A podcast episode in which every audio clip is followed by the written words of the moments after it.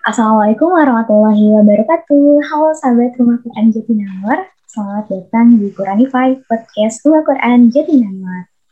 Nah, Quranify ini merupakan podcast Rumah Quran yang siap membersamai Ramadan Sobat Rukun. Di episode ini kita akan membahas tentang sesuatu hal yang pastinya jadi bahasan yang menarik tentunya. Nah, sebelum kita masuk ke bahasan, kita kenal-kenalan dulu ya. Kenalin nama aku Gaida dari tim media Rumah Quran Jatinangor. By the way, aku di sini nggak sendiri, ditemani sama dia. Halo dia, udah bersama aku di sini. Halo Gaida dan Sobat Ruko, apa kabar? Alhamdulillah, luar biasa. Dia apa kabar nih? Alhamdulillah baik, luar biasa, Masya Allah. Masya Allah. Oke, okay. by kita di episode 2 kali ini bakal ngebahas apa sih, Dek? Kita bakal ngebahas suatu hal yang emang daging banget dah. Kalau kata aku nih, dari seorang aku yang masih belajar nih, ketika baca skrip, wow, hal ini yang bakal kita bahas ini adalah daging banget. Kenapa ketika aku baca tentang topik ini, aku jadi ingat satu hadis nih, dah. Yaitu hadis yang menyebutkan bahwasanya amal kebaikan yang paling dicintai Allah adalah yang kontinu meski sedikit. Ini dari hadis riwayat Muslim. Nah, dari sini aku jadi belajar banget tentang pentingnya kita harus senantiasa mengkaji topik ini nih dah biar jadi pengetahuan lebih dalam dan reminder serta booster bagi kita. Karena teman aku tuh sering kali bilang gini ke aku dek istiqomah dong. Dek istiqomah dong. Udah ketahuan nih dah udah ketahuan nih kita bakal ngebahas apa. Uh, jadi teman aku tuh senantiasa bilang gitu dah dek istiqomah gitu. Terus aku tuh sempet bingung ya istiqomah tuh apa sih kok pada bilang istiqomah? gitu. Yaitu kamu tuh istiqomah jangan bolong-bolong tilawahnya jangan bolong dua pekan sekali nanti tiga pekan baru sekali. Nanti kalau kayak gitu ingat Allahnya jarang dong gitu udah nah di sini aku tuh bingung gitu istiqomah tuh apa sih? Karena temen aku tuh cuman ngeriletnya tuh ke kasus ke peristiwa tanpa ngasih tahu penjelasan panjang tuh istiqomah tuh apa gitu Wah mantap, sering di reminder tentang istiqomah ya tadi ya. Iya, bener banget. Nah, iya. Jadi kita bakal ngebahas tentang istiqomah nih pastinya. Mantap banget ya dia ya. Sudah nggak ada sabar nih. By the way, kita bahas tentang istiqomah. Siapa tuh narasumbernya dia? Keren banget sih narasumber kita kali ini. Kita bakal bersama ini sama Teh Alvina dari Kepala Divisi SDM Ruku Jatinangor. Sapa dulu Gida. Iya nih kita sapa-sapa dulu aja ya dia ya. Teh Alvina ini. Iya. Halo Teh Alvina. Halo. Assalamualaikum. Assalamualaikum. Waalaikumsalam warahmatullahi wabarakatuh. Gimana kabarnya nih Teh Alvina? Oh ya, alhamdulillah. Alhamdulillah baik. Gaida sama Dea, apa kabar? Alhamdulillah. Alhamdulillah baiknya semoga semangatnya sama nih kayak Alvina kayaknya udah semangat banget untuk pelajaran Quran ini. Oke, mungkin iya. sebelum yang pasti lebih jauh ya dia ya. Iya. Sebelum langkah lebih jauh kita tentang istiqomah, kalau kita membahas lebih dalam tentang istiqomah, Gaida mau tanya dulu nih Alvina sebenarnya makna atau definisi dari istiqomah sendiri apa sih kan? Atau ada nggak ayat Al-Quran yang menjelaskan tentang istiqomah? Ya, Bismillahirrahmanirrahim. Alhamdulillah, Allahumma salli ala Muhammad, Allahumma salli ala Muhammad, Allahumma salli ala Muhammad. Alhamdulillah segala puji bagi Allah Subhanahu wa taala yang telah memberikan kita begitu banyak nikmat terutama Allah memberikan kita kesempatan di bulan Ramadan ini ya. Bulannya uh, Al-Quran bulan yang penuh keberkahan. Bulan yang Allah hadiahkan untuk umat Muhammad Sallallahu Alaihi Wasallam di mana rahmat Allah begitu berlimpah. Yang terkait um, uh, istiqomah yang terkait istiqomah kalau kita mengingat uh, dari Rasulullah Shallallahu Alaihi Wasallam, beliau pernah bersabda, berlaku adilah dan istiqomahlah. Ketahuilah sesungguhnya tidak ada seorang pun dari kalian yang selamat dengan amalnya. Mereka bertanya, Dan begitu juga engkau ya Rasulullah. Dia bersabda, dan juga aku. Tidak selamat hanya saja Allah subhanahu wa ta'ala telah meliputiku dengan rahmat dan anugerahnya. Jadi kata Rasulullah, bahwa kita tidak akan pernah masuk surga karena amal-amal kita, tapi karena rahmat Allah subhanahu wa ta'ala. Nah, di situ perintah Rasulullah, pesan Rasulullah uh, adalah salah satunya istiqomah. Ya, kalau dari dalilnya, dari Al-Quran kita bisa lihat di surat Hud ayat 112 yang artinya maka tetaplah kamu pada jalan yang benar. Sebagaimana diperintahkan kepadamu dan juga orang yang telah taubat besertamu dan janganlah kamu melampaui batas. Sesungguhnya dia maha melihat apa yang kamu kerjakan. Maha benar Allah dengan segala firman-Nya. Jadi uh, istiqomah itu berada uh, di jalan yang benar. Kata Abu Bakar radhiyallahu anhu ketika ditanya tentang istiqomah ia menjawab bahwa istiqomah adalah kemurnian tauhid. Tidak boleh menyekutukan Allah dengan apa pun, dengan siapa pun. Kata Umar, kata Umar bin Khattab radhiyallahu anhu, dia berkata, istiqomah adalah komitmen terhadap perintah dan larangan Allah. Kata Utsman, kata Utsman bin Affan radhiyallahu anhu, beliau berkata, istiqomah adalah mengikhlaskan amal hanya kepada Allah Subhanahu wa taala. Kata Ali bin Abi Thalib radhiyallahu anhu, beliau berkata istiqomah adalah melaksanakan kewajiban-kewajiban. Kata Al Hasan, beliau berkata istiqomah adalah melakukan ketaatan dan menjauhi kemaksiatan. Kata Mujahid, kata istiqomah adalah komitmen terhadap syahadat tauhid sampai bertemu dengan Allah Subhanahu wa taala. Terakhir kata Ibnu Taimiyah, dia berkata bahwa mereka uh, beristiqomah dalam mencintai dan beribadah kepadanya tanpa menengok kiri dan kanan. Ya, masya Allah. Jadi uh, istiqomah mungkin kita bisa sedikit uh, tarik kesimpulan bahwa seorang muslim yang istiqomah itu adalah muslim yang mempertahankan keimanannya, muslim yang seorang muslim yang berikhtiar, bertekad, berusaha untuk senantiasa dalam kebaikan, apa pun kondisinya. Ya, mungkin itu ya terkait uh, definisi dan apa tadi uh, dasar-dasarnya ya istiqomah. Oke, Wah, Masya Allah, luar biasa ya. Ternyata istiqomah itu bukan hanya sekedar amalan yang kita lakukan kontinu, tapi lebih dari itu punya makna yang dalam juga ya, Kak ya. Tentang tadi dijelaskan menurut para sahabat Nabi tentang bagaimana istiqomah itu itu mengikhlaskan, melaksanakan kewajiban-kewajiban, dan melakukan ketaatan dan menjauhi kemaksiatan. Masya Allah, luar biasa Kak Alvina. Wah, keren banget ya dia ya. Iya. Wow, keren banget ya. Nah, jadi Teh, kayak tadi um, menanggapi pertanyaannya Gaida, dia tuh jadi kepikiran ini nih Teh. Seringkali tuh dalam benak dia tuh terfikirkan bahwasanya, duh, dari hari ini aku sibuk banget nih ngerjain tugas kuliah nih.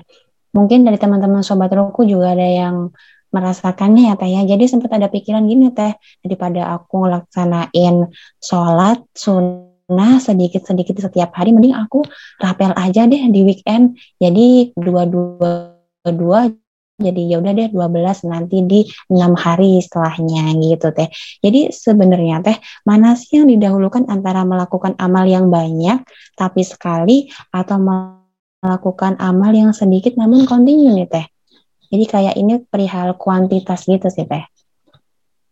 Iya, Bismillahirrahmanirrahim. Uh, sebenarnya saya bicara di sini juga bukan berarti uh, saya sudah istiqomah ya, uh, karena nggak ada yang tahu akhir hidup seseorang.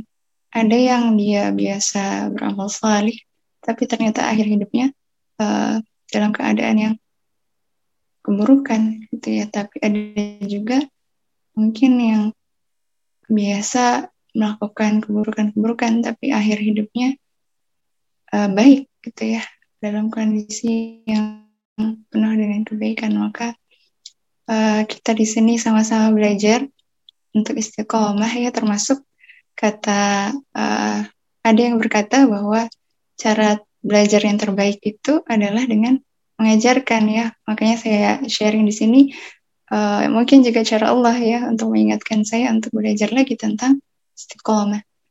Jadi kalau uh, pertanyaan yang dia tadi sampaikan mungkin banyak juga ya misalkan di bulan Ramadan banyak juga orang-orang yang mungkin ibadahnya jadi sering banget nih di bulan Ramadan ya. Di bulan Ramadan jadi sering sholat jamaah di masjid atau bulan Ramadan jadi sering tilawah atau bulan Ramadan jadi uh, sering sedekah gitu ya. Tapi kemudian bulan Ramadannya selesai ya udah gitu ya ditinggalin lagi. Nah itu gimana tuh? Kan itu juga uh, amal saleh ya. Nah um, di dalam surat Ar-Rahman ayat 60 artinya tidak ada balasan kebaikan kecuali kebaikan pula. Maka sebagian ulama mengatakan, ya di antara balas, uh, di antara balasan kebaikan adalah kebaikan selanjutnya, dan di antara balasan kejelekan adalah kejelekan selanjutnya.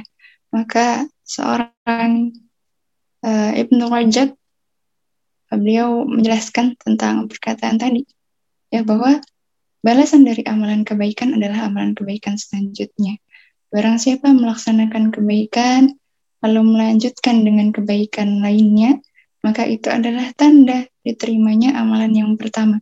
Begitu pula, barang siapa yang melaksanakan kebaikan, namun malah dilanjutkan dengan amalan-amalan yang jelek, amalan kejelekan, maka ini adalah tanda tertolaknya atau tidak diterimanya amalan kebaikan yang telah dilakukan. Ya, jadi um, mungkin aja ya, jangan-jangan amalan kita yang banyak itu, yang hanya sekali-sekali itu, ternyata tidak diterima oleh Allah. Ya, ternyata Allah nggak ridho dengan amalan kita itu. Ya, karena ternyata setelah kita melakukan amalan yang banyak itu pun, kita uh, berat untuk melakukan kebaikan-kebaikan selanjutnya. Ya, jadi um, Uh, maka kata yang dia sebutin juga di awal ya, kata Rasulullah Sallallahu Alaihi Wasallam, Allah uh, mencintai atau amalan yang paling dicintai oleh Allah Subhanahu Wa Taala adalah amalan yang kontinu, amalan yang terus menerus, walaupun itu sedikit.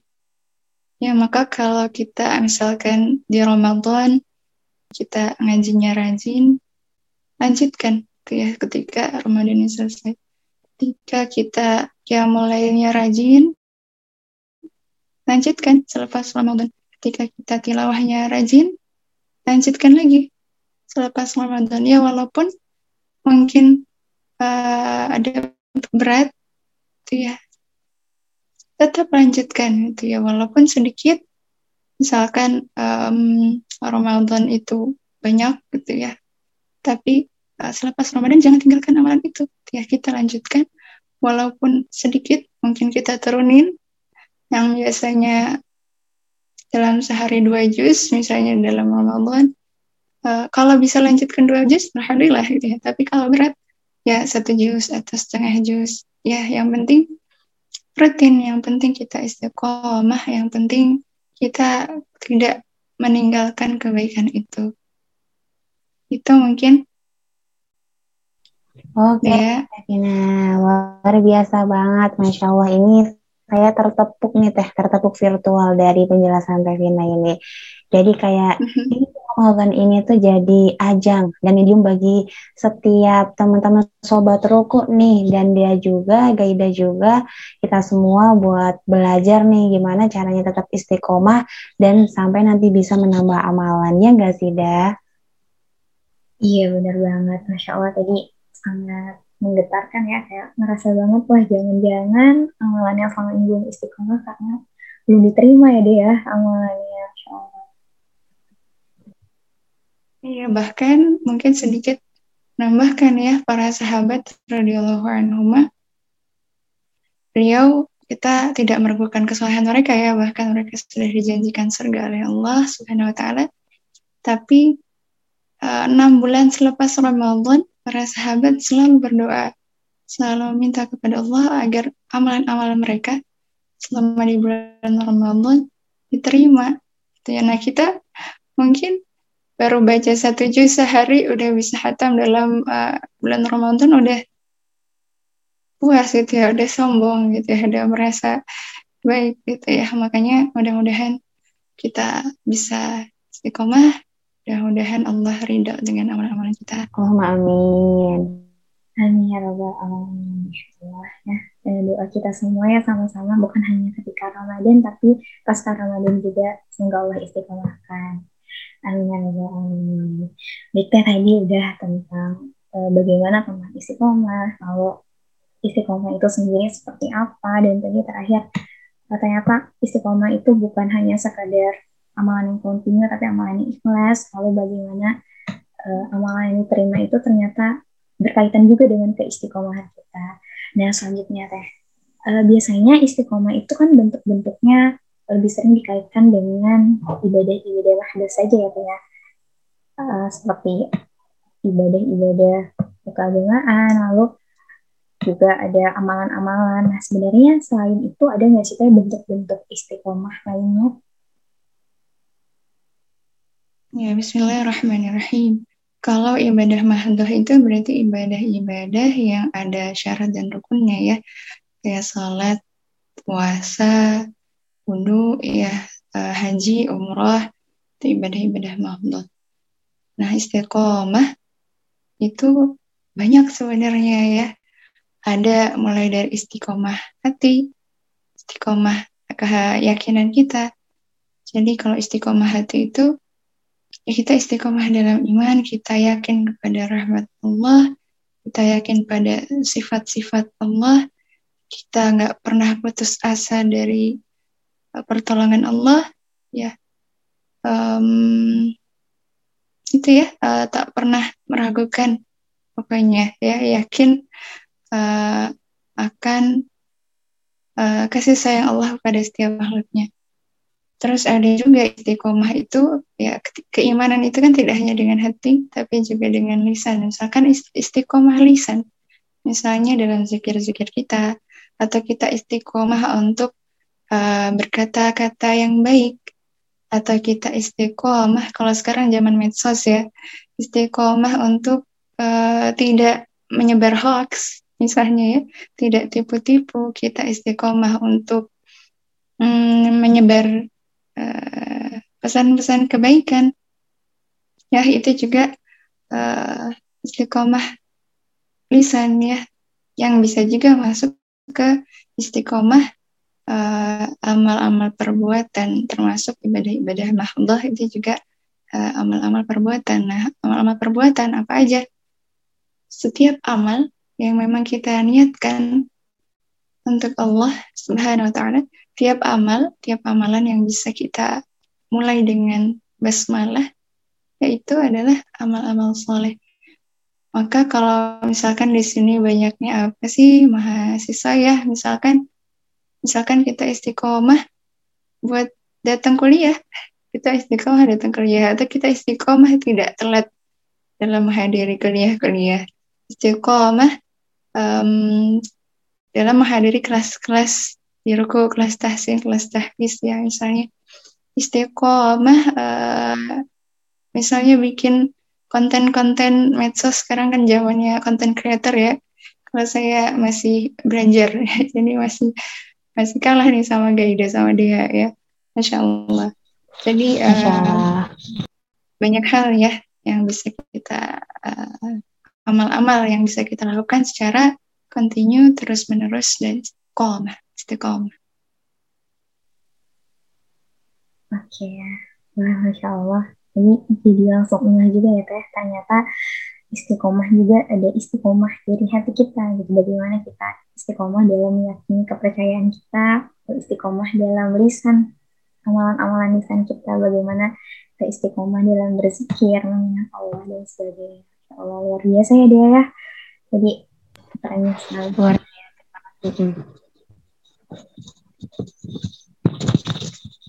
Iya, udah luar biasa banget. Tadi juga dengar penjelasan Teh Vina nih tentang istiqomah secara dalam tuh membuat dia pribadi nih semakin, dia kamu ada di posisi mana nih sekarang istiqomahnya?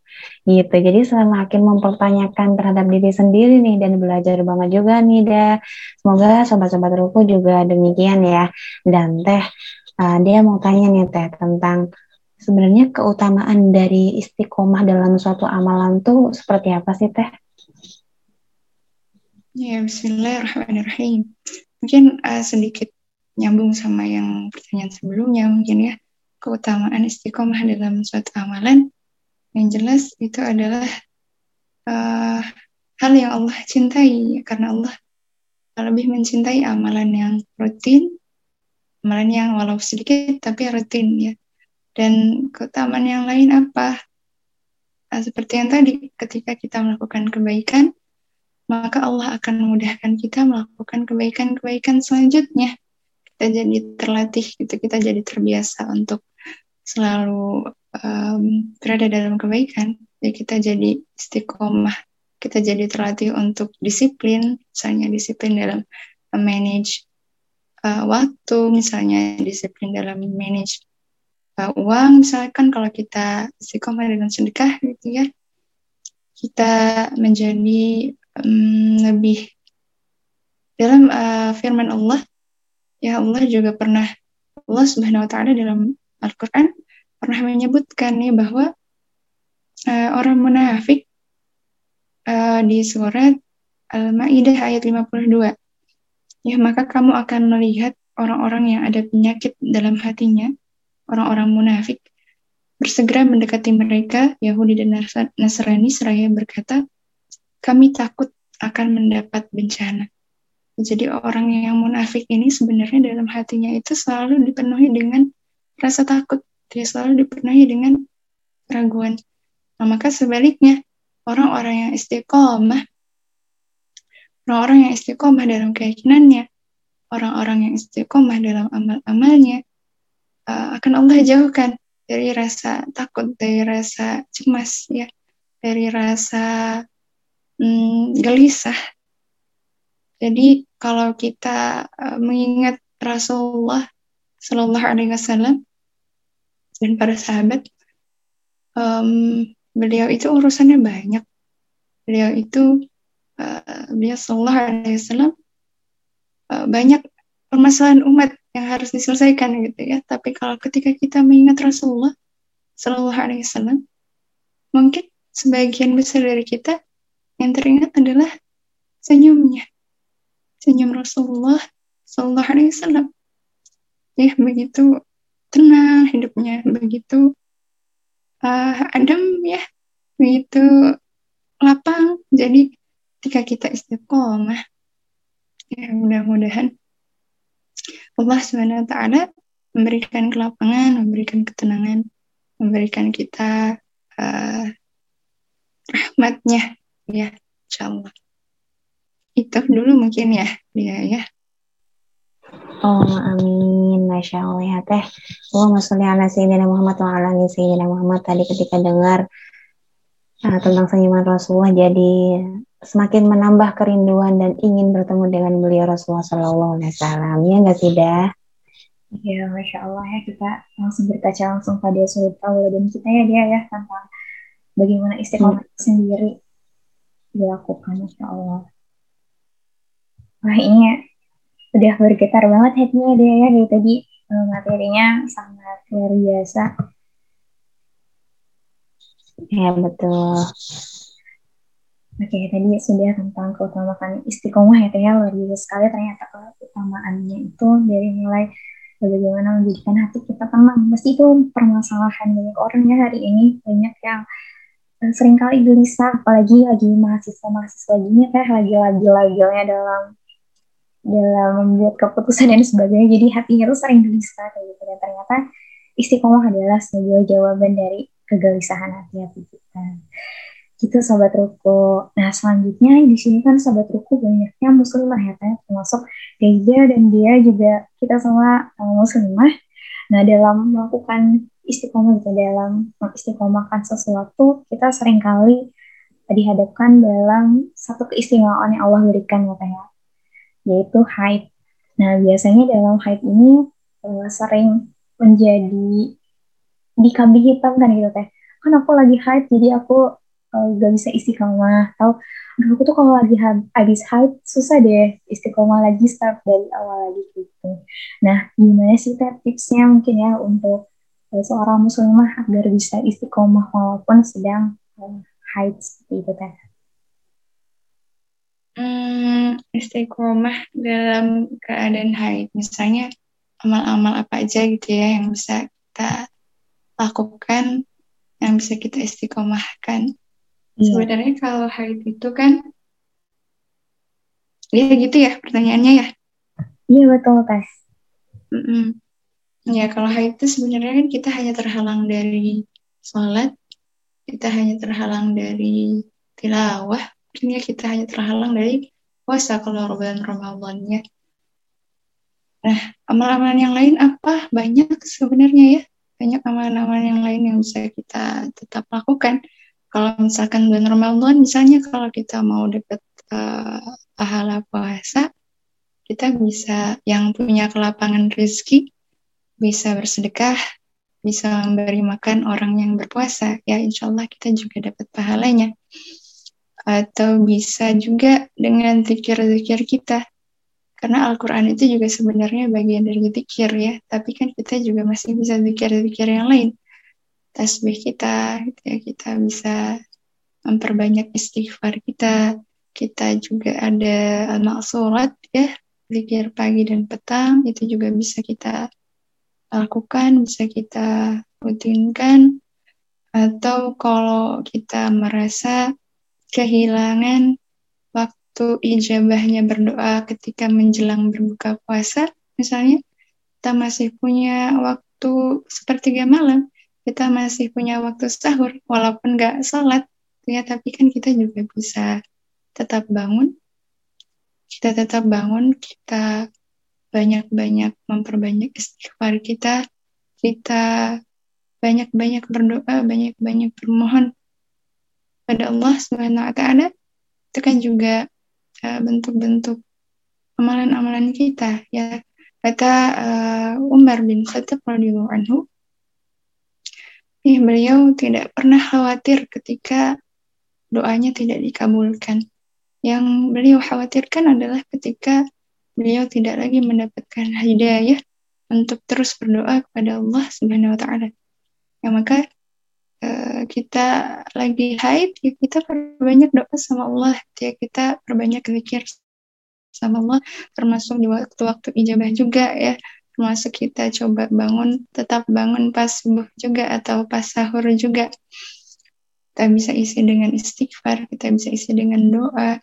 Terus apalagi misalnya hmm, kita bisa tetap menghadiri majelis-majelis ilmu. Ya kita istiqomah menghadiri kajian-kajian majelis-majelis ilmu. Kita bisa uh, istiqomah menyebar pesan-pesan kebaikan via medsos sekarang sudah sangat mudah ya kalau kita mau ikut uh, menyebar kalimat-kalimat yang baik nggak harus lewat ceramah di masjid gitu ya. Tapi sekedar kita uh, upload upload uh, tulisan-tulisan mengupload upload gambar mengupload upload video mungkin ya.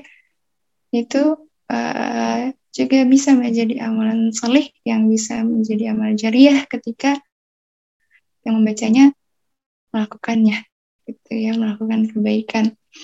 Uh, dikarenakan dia melihat pesan-pesan kita. Atau apalagi misalkan kalau nggak bisa baca Al-Quran kita bisa baca terjemahnya kita bisa baca tafsirnya kita bisa uh, mengkhususkan waktu untuk mendengarkan murotal Misalnya ketika uh, di hari ini kita udah punya jadwal kalau habis subuh misalkan kita ngaji. Nah, kita dengerin murotal gitu ya. Jadi tidak disambi dengan uh, hal yang lain. Kita dengarkan murotal sambil baca terjemahnya, itu juga bagus. Um, terus apa lagi ya? Misalkan kita berbanyak salawat, ya kita memperbanyak salawat pada Nabi Shallallahu Alaihi Wasallam. Kita bisa memperbanyak mengkaji sirahnya, membaca buku-buku sirah. Kita bisa juga uh, mengkaji hadis-hadis Rasulullah Shallallahu Alaihi Wasallam. Kita bisa juga hmm, menghafal hadisnya kalau ada yang uh, senang menghafal hadis ya terus kita hmm, apa lagi ya banyak sebenarnya ya amalan-amalan yang bisa kita lakukan. Nah, karena yang terhalang itu ya hanya itu tadi palingnya kita terhalang dari puasa dari sholat dan dari tilawah Al-Quran. Allah alam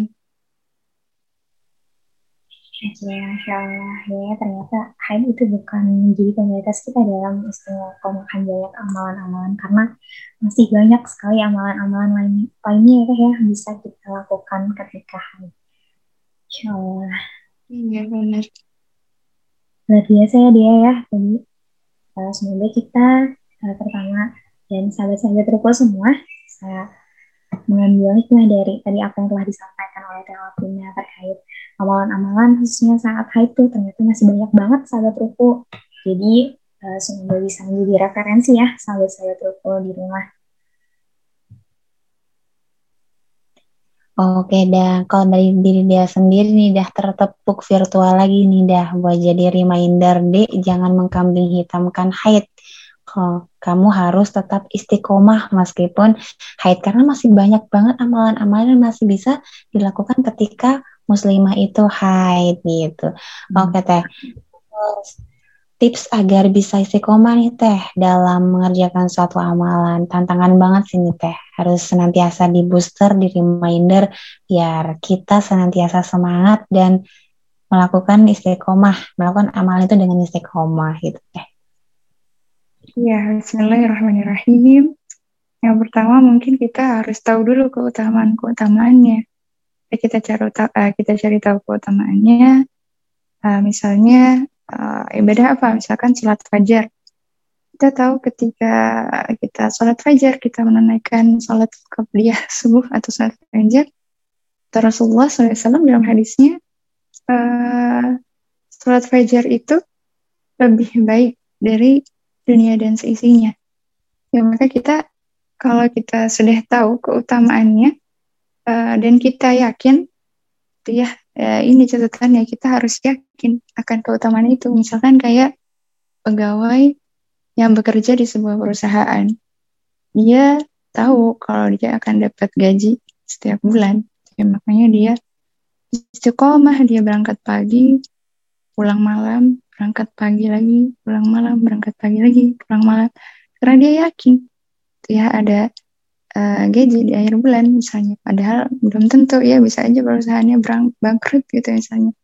Nah ketika kita yakin akan uh, hadis Rasulullah Shallallahu Alaihi Wasallam akan balasan dari Allah Subhanahu Wa Taala bahwa sholat fajar itu lebih baik dari dunia dan seisinya seharusnya kita bisa berikhtiar yang lebih untuk bangun dari kasur kita untuk bangun dari tidur kita untuk sholat fajar gitu ya untuk sholat dua rakaat sebelum subuh. Um, atau uh, misalnya um, ya kalau misalkan udah udah tahu keutamaannya tapi kita masih belum istiqomah ya mungkin itu karena kita kurang yakin. Mungkin kita masih kurang uh, keimanan kita masih kurang uh, yakin dengan balasan-balasan itu yang sudah kita tahu keutamaannya. Terus gimana? Ya kita harus mengenal Allah. Ya kita harus uh, terus berusaha untuk mengenal Allah. Terus berikhtiar untuk mengenal pencipta kita. Untuk um, ya menguatkan keimanan kita. Kalau keimanan kita udah kuat, selama kita tahu banyak fadilah fadilah banyak keutamaan keutamaan dalam sebuah amalan insya Allah ya kita akan berikhtiar untuk melakukannya uh, atau misalnya kalau sekarang zamannya zamannya medsos ya misal kenapa kita bisa suka sama seorang influencer awalnya kita uh, beberapa kali baca postingannya. Ya terus ternyata bagus. Kita suka uh, karena kita suka sama influencer itu kita jadi istiqomah ngikutin storynya misalnya ya. Kita jadi rajin ngikutin storynya. Maka kita juga harus mengenali Allah subhanahu wa ta'ala. Maka kita harus mengenali pencipta kita maka kita harus berikhtiar memperbaiki hubungan kita dengan Allah. Jangan um, kemudian ya kalau kita rajin kepoin Instagram misalnya ya, kalau kita ingin mengenal Allah kita rajin kepoin Al-Quran. Al-Quran itu kan uh, kalam Allah ya. Al-Quran itu perkataan-perkataan Allah ayat-ayat Allah. Maka kita rajin-rajin bacanya kita rajin-rajin tadaburnya pelan-pelan gitu ya kalau nggak bisa tadabur sendiri kita sering hadir majelis-majelis ilmu supaya kita semakin mengenal Allah, kita semakin menguatkan keimanan kita, semakin menguatkan keyakinan kita akan setiap balasan Allah Subhanahu wa taala. Nah, kalau kita udah kenal Allah Subhanahu wa taala, kalau kita udah semakin uh, cinta sama Allah Subhanahu wa taala, kalau kita mencintai seseorang atau mencintai siapa pun gitu ya kita ingin dong berbalas cinta kita. Ya maka ketika kita ingin dicintai oleh Allah Subhanahu wa taala maka kita mencari tahu sebab-sebab Allah mencintai uh, seorang hamba ya. Maka salah satunya adalah dengan istiqomah. Ya atau um, misalnya ya khusus untuk para uh, pembelajar di ruku, para peserta ruku yang sedang berikhtiar memperbaiki bacaannya, berikhtiar memperbaiki makhrajnya yang mungkin gak benar-benar gitu ya, yang mungkin masih merasa kesulitan, jangan sampai kita kalah sama uh, para apa namanya idola-idola finalis-finalis ajang-ajang idola Indonesia misalnya ya. Mereka karena ingin mendapatkan pandangan yang baik dari juri, karena ingin mendapatkan uh, disukai oleh para penonton atau mendapatkan vote yang banyak dari para penonton, mereka itu tiap hari latihan vokalnya gitu. Mereka tiap hari latihan vokalnya, mereka um, ya mungkin uh, berusaha lebih dari usaha-usaha biasanya gitu ya. Ketika kita mengingat bahwa uh, Rasulullah Shallallahu Alaihi Wasallam bersabda, Allah sangat senang. Ya Allah sangat senang ketika seseorang uh, atau Allah sangat senang ketika mendengarkan seseorang yang membaca Al-Quran dengan suara yang merdu lebih senang daripada seorang yang mendengarkan video, video wanitanya menyanyi. Jadi Allah Subhanahu wa taala senang ketika mendengarkan kita uh, membaguskan tilawah kita.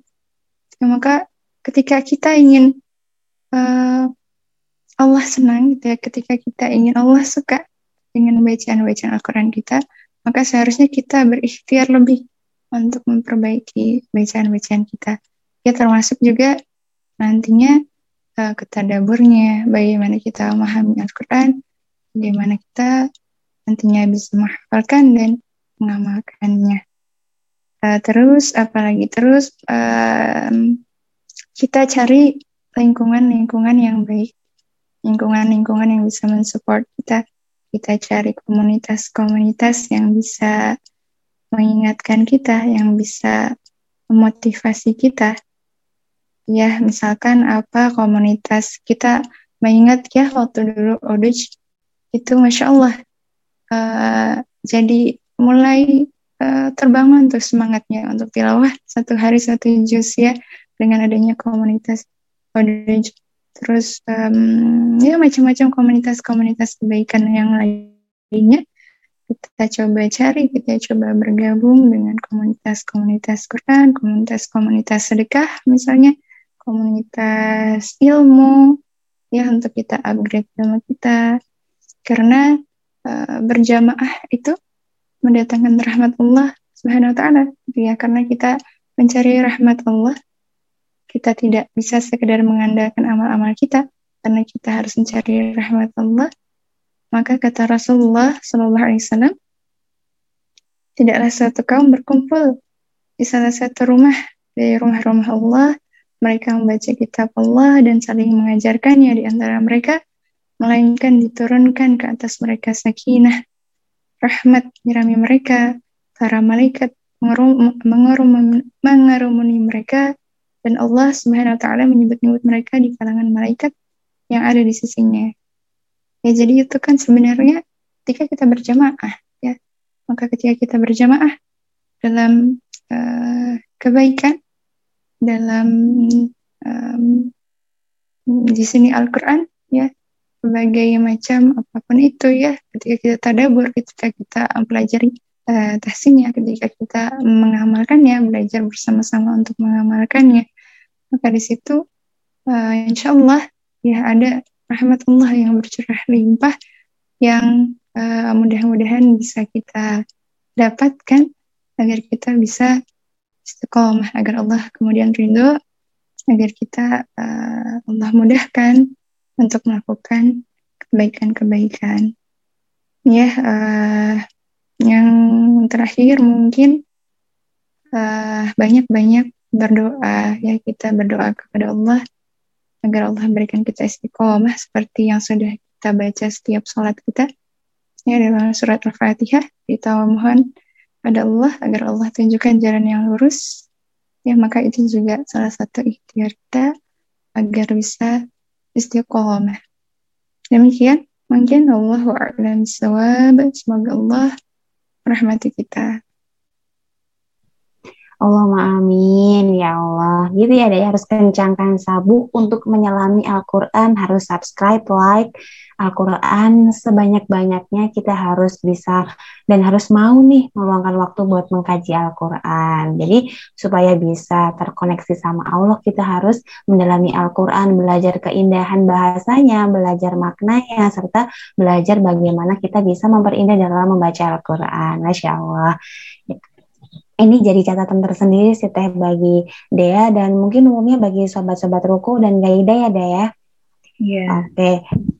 Hmm, dan nih uh, tadi itu pertanyaan terakhir nih teh. Jadi uh, sobat ruku, Gaida dan Teteh izinkan aku buat membacakan rangkuman nih dari tadi diskusi kita awal sampai dengan yang terakhir tadi tentang keutamaan dari uh, istiqomah. Tips ding, tips agar bisa beristiqomah dalam suatu amalan. Gitu ya. Tadi highlightnya adalah bahwasanya istiqomah itu mengikhlaskan segala ibadah hanya untuk Allah Ta'ala, komitmen terhadap syahadat tauhid sampai ketemu sama Allah, istiqomah dalam kebaikan apa pun kondisi kita.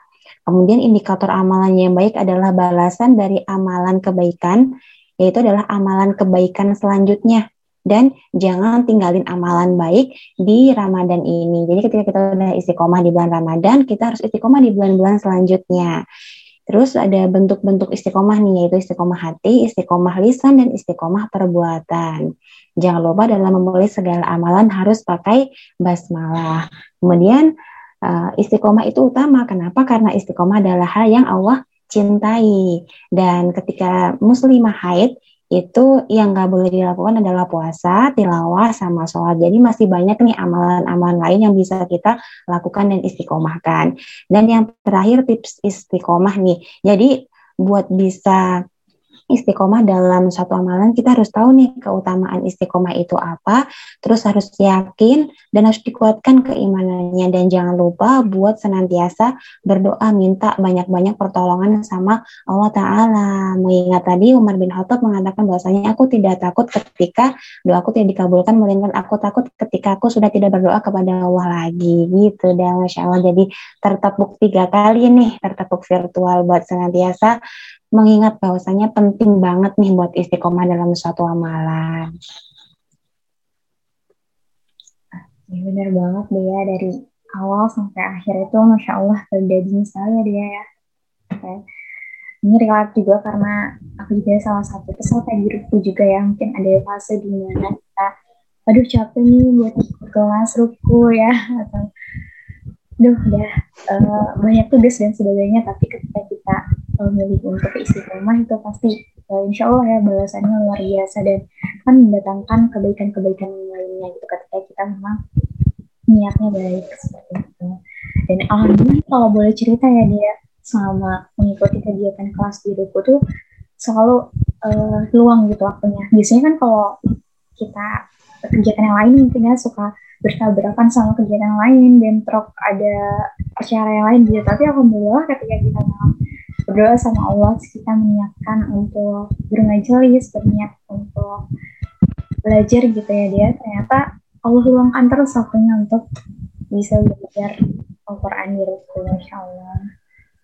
Wah, Allah tuh sayang dah sama kita. Betapa Allah tuh tahu banget kita detail gitu. Iya, Masya Allah.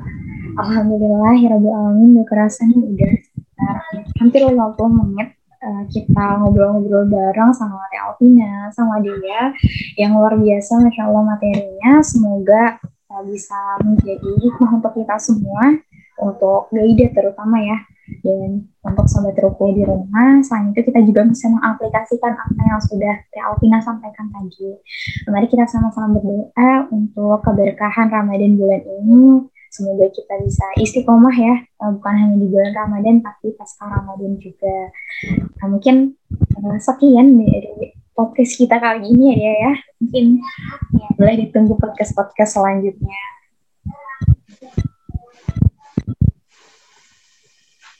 Oke, kita tutup dulu ya, Da, biar semakin menambah berkah. Insya Allah Allah berkahi majelis kita, diskusi kita pada siang hari ini nih, dengan doa kifaratul majelis.